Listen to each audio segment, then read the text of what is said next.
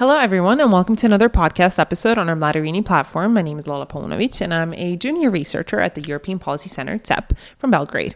Um, as you know, MladiRini is a regional platform for young people from the Western Balkans. This platform gives young people space to express themselves on important topics from environmental issues, freedom on the internet, to issues of democracy and the rule of law.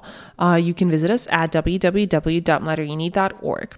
The platform is available in all languages of the Western Balkans as well as in English. Today, we also have the honor to welcome His Excellency Carlo Lo Cascio, the Italian ambassador to Serbia, and Uroš Anđelković, a young leader from the Western Balkans. In the previous podcast, we have talked with Jovana Popova, one of the prominent young leaders who have had the opportunity to be involved in the EU Balkan Youth Forum organized in November of 2021, based on the proposal from the Italian Foreign Minister Luigi Di Maio, RCC, RYCO, the Study Center for International Politics, and the Osservatorio Balcani Caucaso Transeuropa, and funded by the Italian Ministry of Foreign Affairs and International Cooperation. As previously said, uh, this was a great opportunity for youth from the entire continent to discuss common issues, face policymakers, and mobilize new energies from below, facilitating the emergence of a young transnational network, to engineer new initiatives and bring about fresh views on both EU and Balkan integration. Uh, today, our focus will be on the topics of the second working group, uh, United in Diversity and Beyond Past Wars. We will reflect on the overall question how do we build a shared memory of the past and facilitate cooperation among peoples and cultures? With all this being said, let us turn to His Excellency Lo Cascio. Welcome to the podcast. Well, many tragedies swept through the region the last uh, 25 years. Tragedies whose immediate aftermath left uh, a visible mark on the relations between Balkans countries. A reconciliation process is indeed needed and possible. New generations must find a way to make it possible by building a mutual trust again. A real engagement of high level politicians and government in supporting and promoting the regional recon- reconciliation process is therefore crucial. We, as embassies, as diplomatic missions of EU member states, support and promote any initiative taken to make progress towards this direction. Of course, it is important to engage all the actors in fighting historical narratives that include the conflicts in the Balkans nations. We have to work to build a shared memory of the past and facilitate cooperation among peoples and countries, working to find a way to, for a reconciliation in the Balkans to be reached. You asked about what you have done. Well, the forum itself that we mentioned previously is a huge opportunity to allow new generation to build their mindset out of dangerous legacies from the past. It is a real challenge we must win because it affects not just the EU path of the region, but also its own stability. And now more than ever, we know how much important reconciliation is. So now I'd like to turn to Uroš Anđelković, one of the five young leaders who have had the opportunity to go to Rome and further discuss these issues. So Uroš, welcome to the podcast. Thank you very much for having me here. Uh, I just want, oh, thanks. So I just want to know, um, what was your motivation to be a part of this forum? How did you see the uh, call for applications? What did you see were the main uh, opportunities for you and main benefits that you would draw from this process? So tell me about your decision to apply for this. Well, thank you again for having me here. Uh, it is a nice question. Actually, uh, I did this program, uh, the Rome and the EU Western Balkan, was actually recommended to me uh, from one of my friends. They sent it to me like, okay, this is a good opportunity. Why why wouldn't you like apply and see what is actually behind? And then, of course, I just entered the link that she sent me, and immediately I was I, I've seen that that is an opportunity actually for us young leaders to be actually heard from the from the European Union, also from the Ministry of Foreign Affairs of uh, Italy, and then it, I knew it immediately that I wanted to apply. I sent the application, and then I've just waited for my chance to to be accepted for the program. So you were a part of the second working group, which was titled United in Diversity Beyond Past Wars. So tell me, why did you decide this working group was for you and how did your background prepare you for participating in this group? Well, it is practically easy because I believe that in order for this region actually to go forward, first thing that we need to do, we need to recon- re- reconcile. Basically, uh, I don't want to disrespect other topics that were there, but I think that without reconciliation in the region, there cannot be actual progress done in other uh, areas like economy, like uh, democracy, like our capacity building, or any other exchange programs that we might uh, want to apply for. I think that that process of reconciliation is really important. And following on the follow up of the first question about my background, how does it actually apply for this topic? Basically, I have been uh, uh, the United Nations Youth Delegate for the 2020-2021 um, uh, year. I mean, the mandate. Sorry for for one year, and I had the opportunity actually to to, to speak about uh, this topic with the United delegates, United Nations delegates from all around the world, and uh, not just uh, from this region, but also from other regions that that are actually also affected by some kind of a conflict, and uh, we we had a change of experiences actually, and we all agreed that the reconciliation in, in all of the regions that are affected by the conflict uh, are, are really important and that it first needs to be dealt with and then act- actually after that the peace uh, the post conflict peace processes can actually begin Okay. So, what I want to know, as we've already heard, um, you were part of the working group alongside other people from other young delegates Yeah, and other exactly. young leaders from the Western Balkans, but also with young leaders from the EU.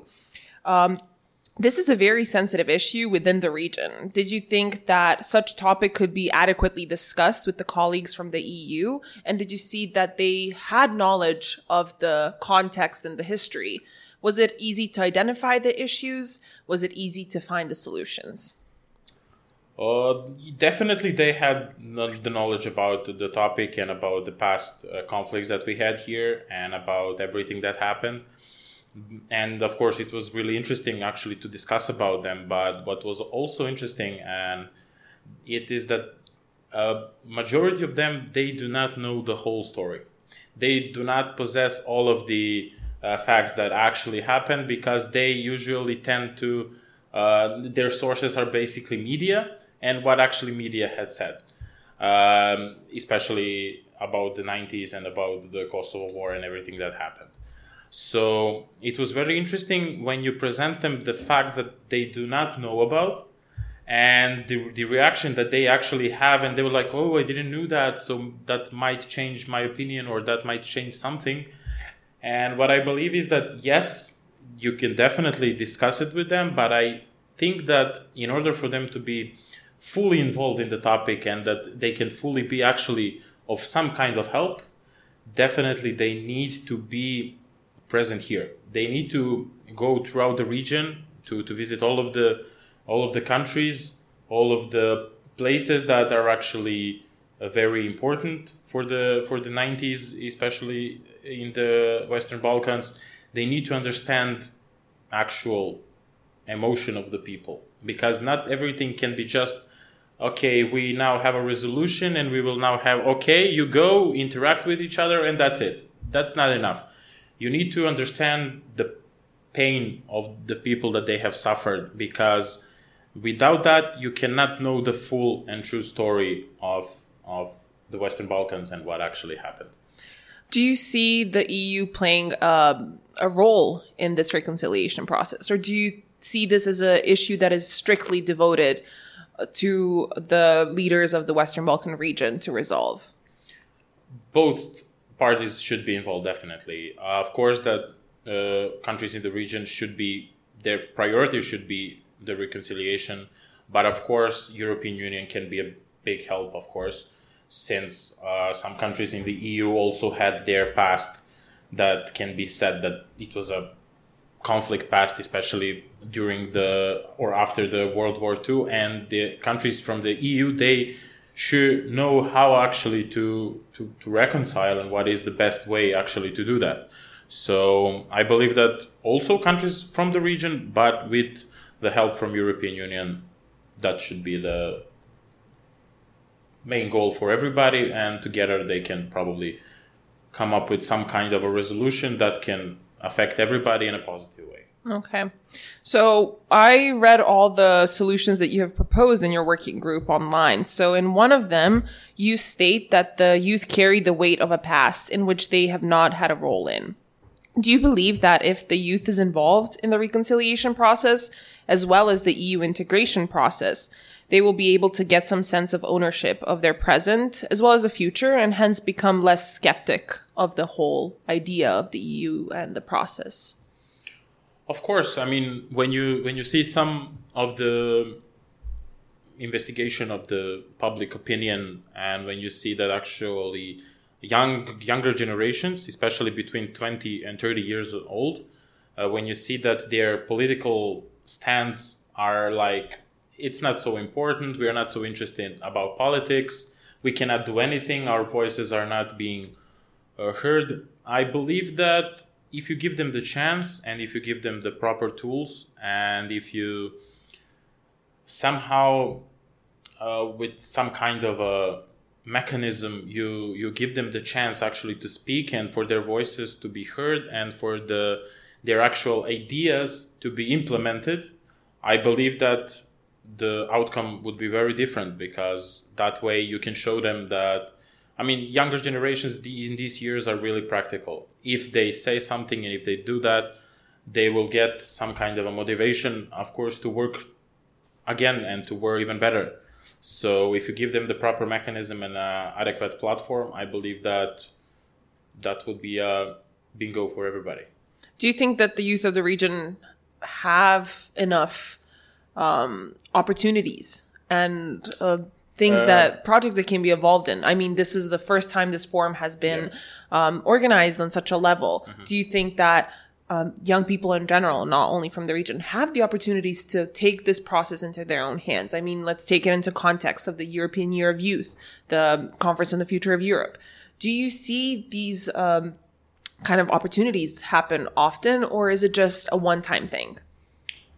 Of course it should not be only a one-time thing and i would like to quote and to say i mean about the the topic that you've mentioned it's not so great but it's not so terrible for now at least i believe that how it was maybe 10 years ago now it's far far better uh, we have a couple of regional organizations like RYCO like, that are actually working in bringing the youth uh, of the Western Balkans together.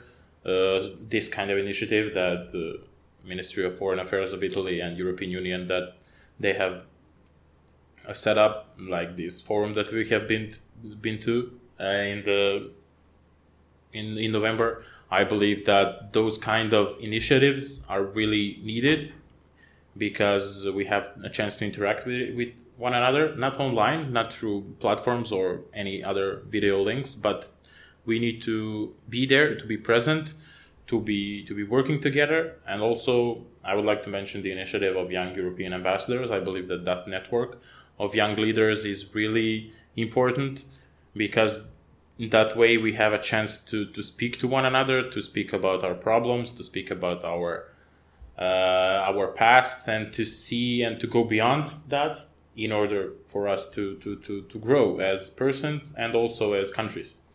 So Yep, definitely. I believe that it should be not only one time thing, it should be every year thing or every month thing, however you want to put it.